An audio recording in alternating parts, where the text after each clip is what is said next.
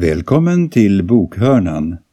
Örjan Bäckryd läser ur Emanuel Bäckryds bok Tro, utgiven på Libris förlag. Fortsättning av kapitel 4.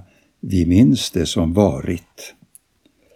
Gud har visat sin kärlek i handling. Allt är sagt, endast vår respons återstår. Gud står och pekar på korset och säger Se min kärlek, se hur jag delar allt med er. Resten av historien, från korsets dag till idag, är en väntan från Guds sida på att vi ska säga tack till korsets gåva. Korset är historiens mittpunkt. Det var då och där Gud tog itu med ondskan på det mest oväntande sätt man kan tänka sig. Istället för makt använde han svaghet. Istället för våld använde han icke-våld. När Gud en gång för alla skulle ge förutsättningar för att slutgiltigt besegra ondskan ville han inte göra det med ondskans metoder. Han valde en annan väg, kärlekens. Vad ser vi när vi ser på Kristi kors? Det beror på vilka glasögon vi har på oss. Ser vi det ur ett makt och härskarperspektiv är korset en förlust och ett totalt nederlag. Men ser vi det med trons glasögon är korset den ultima segern, Guds seger. De första kristna beskrev vad de hade sett och deras vittnesbörd finns nedtecknade i Nya testamentet. De hade sett Guds storhet i Jesu död och om detta berättade de vitt och brett. De hade sett att i och med korset avslutar Gud det gamla sättet att vara människa. Korset är den fallna skapelsens logiska konsekvens. Där framträder människans revolt mot Gud på det mest fasansfulla sätt. När Gud besöker människan spikar hon fast honom på trä. Men de första kristna hade också sett att korset var en startpunkt för något radikalt nytt Gamla förbundet har nu ersatts med ett nytt förbund som inte upphäver utan som fullkomnar det gamla. Det embryo av ny mänsklighet som växt till i det heliga landets livmoder och som vi kan läsa om i Gamla testamentet föds fram i och med Jesu död. Förlossningen är smärtsam men leder till att ett nytt folk bildas, kyrkan. Den kristna gemenskapen är det folk som bestämt sig för att tillsammans gå i Jesu Kristi fotspår. Korset är början på något nytt. Uppståndelsen Korset vore dock ingenting utan uppståndelsen. Vad var det egentligen som hände i Jerusalem för snart 2000 år sedan? De kristna bekänner samstämmigt Kristus dog och uppstod. Han var död, men uppstod igen och lever nu. Han är inte ett spöke utan en person med en ny typ av kropp. Han är inte längre synlig för ögat eftersom han lever i en annan dimension. Teologen James McClendon talar om Kristus praesens, Kristus närvarande i nuet, i presens, inte bara i det förflutna. Som läkare är jag skolad i klassiskt västerländskt naturvetenskapligt tänkande.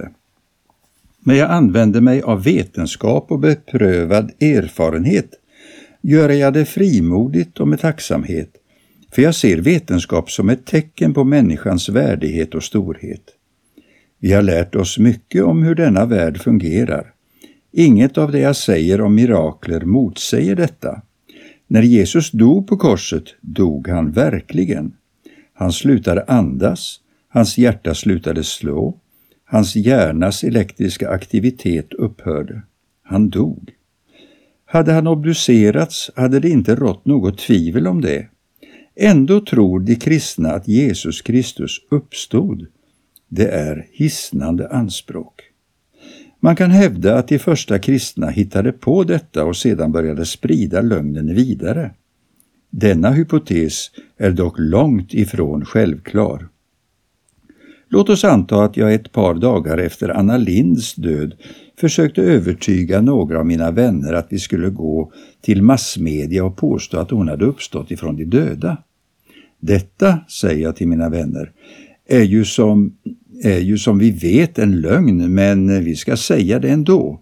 Folk kommer att gå på det. Denna lögn är ett framtidskoncept som är värt att bygga en helt ny ideologi på. Tanken är absurd.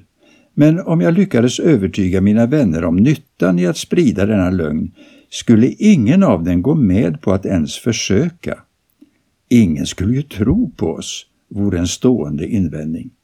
Vem förväntar sig att ett sådant budskap blir trott? När man överväger att gå ut med ett budskap offentligt funderar man på hur det skulle tas emot. I synnerhet om man vet att det är en lögn. Man går inte ut med en lögn om man redan på förhand vet att den inte kommer att bli trodd. Och vad är mindre sannolikt än att folk tror på uppståndelsen? Dåtidens människor var inte dumma. De upplevde döden på nära håll och visste därför att är någon död så är det så. Döden är inte en vetenskaplig upptäckt. Det var, då som nu, osannolikt att någon skulle tro att en verklig människa, som vederbörande några dagar tidigare sett bli avrättad offentligt, hade uppstått. Och ändå var uppståndelsen de kristnas första och ständiga budskap. Trots förföljelser, lidanden och umbäranden fortsatte de att hävda att Kristus hade uppstått. Hur kommer det sig? Missförstå mig inte, jag försöker inte bevisa någonting i matematisk bemärkelse, men något hände i Judeen för 2000 år sedan, något som ledde till den kristna församlingens makalösa expansion i den antika världen. Fyra antika biografier som kallas evangelier och som inleder Nya testamentet skildrar hur Jesus stod upp från de döda. Här framgår det klart att korset och uppståndelsen hör oskiljaktigt samman och är de händelser där Gud på ett konkret sätt inleder något nytt. Den uppståndne är den kristna kyrkans Herre och varje kristen är kallad att vandra i hans fotspår.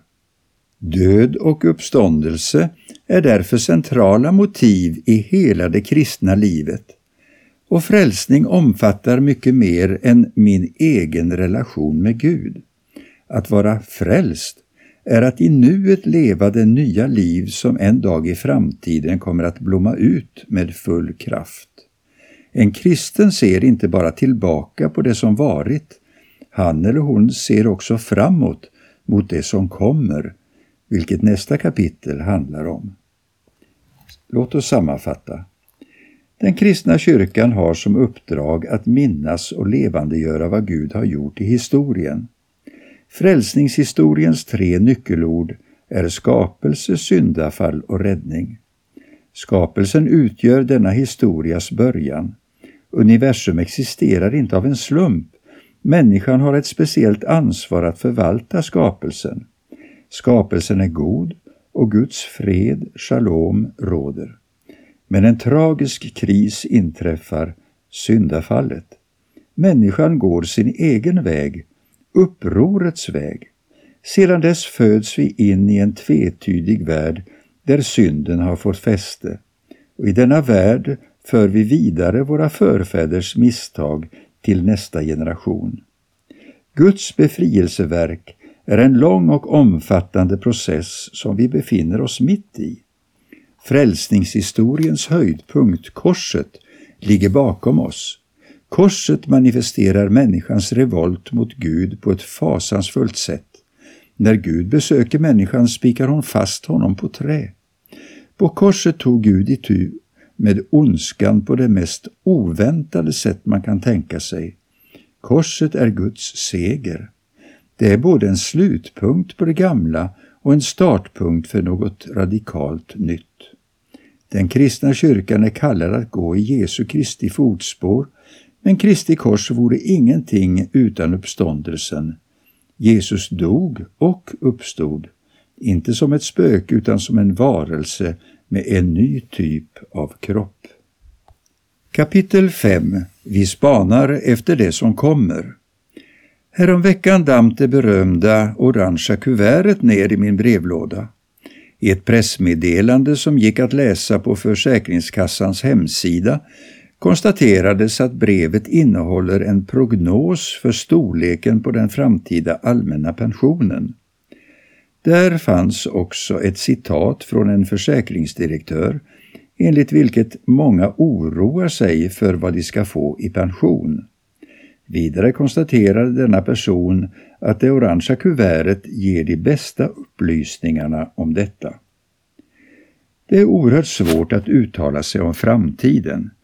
För många är framtiden, som Fröding uttryckte det, lik en dunkel vall. Man ser inte tydligt vad som väntar, men man anar eller fruktar att det kommer att bli uppförsbacke. Vilka känslor talet om framtiden än väcker hos oss är det ett som är säkert, framtiden är i allra högsta grad oviss. Osäkerheten är dock inte total. Det finns sådant som vi kan vara övertygade om. Framtiden är oviss, men vi vet till exempel att vi alla kommer att dö.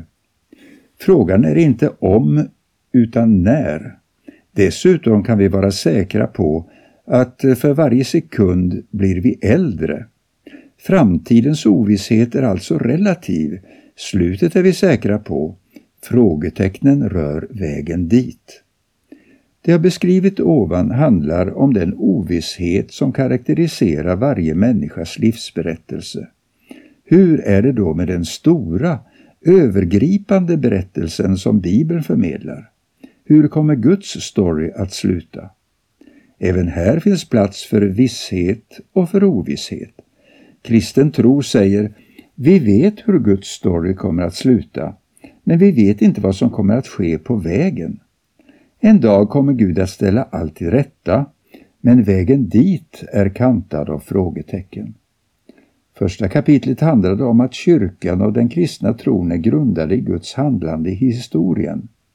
Denna historias centrum är korset och uppståndelsen, men de kristna minns inte bara det som varit, utan sträcker sig i lika hög grad mot det som kommer, evigheten. Och den framtiden står redan nu och väntar på vår ankomst. Det är dit vi är på väg. Min filosofilärare på gymnasiet var fascinerad av fenomenet tid. Vad är tid egentligen för något, undrar han. Som 17-åring hade jag roligt åt hans funderingar, men idag förstår jag honom. Tiden är ett mysterium.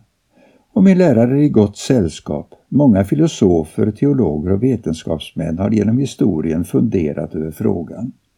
Eftersom Bibeln inte spekulerar tar den inte upp frågan om tiden ur ett teoretiskt perspektiv. Söka förstå tidens natur får man göra utan Bibelns hjälp. Bibeln är betydligt mer praktisk. Den talar om tiden därför att tiden är på väg någonstans. Den kristna tron är målinriktad och fokuserad på det som ska komma. Att tro är att spana framåt, in i det som kommer efter denna värld, en ny himmel och en ny jord.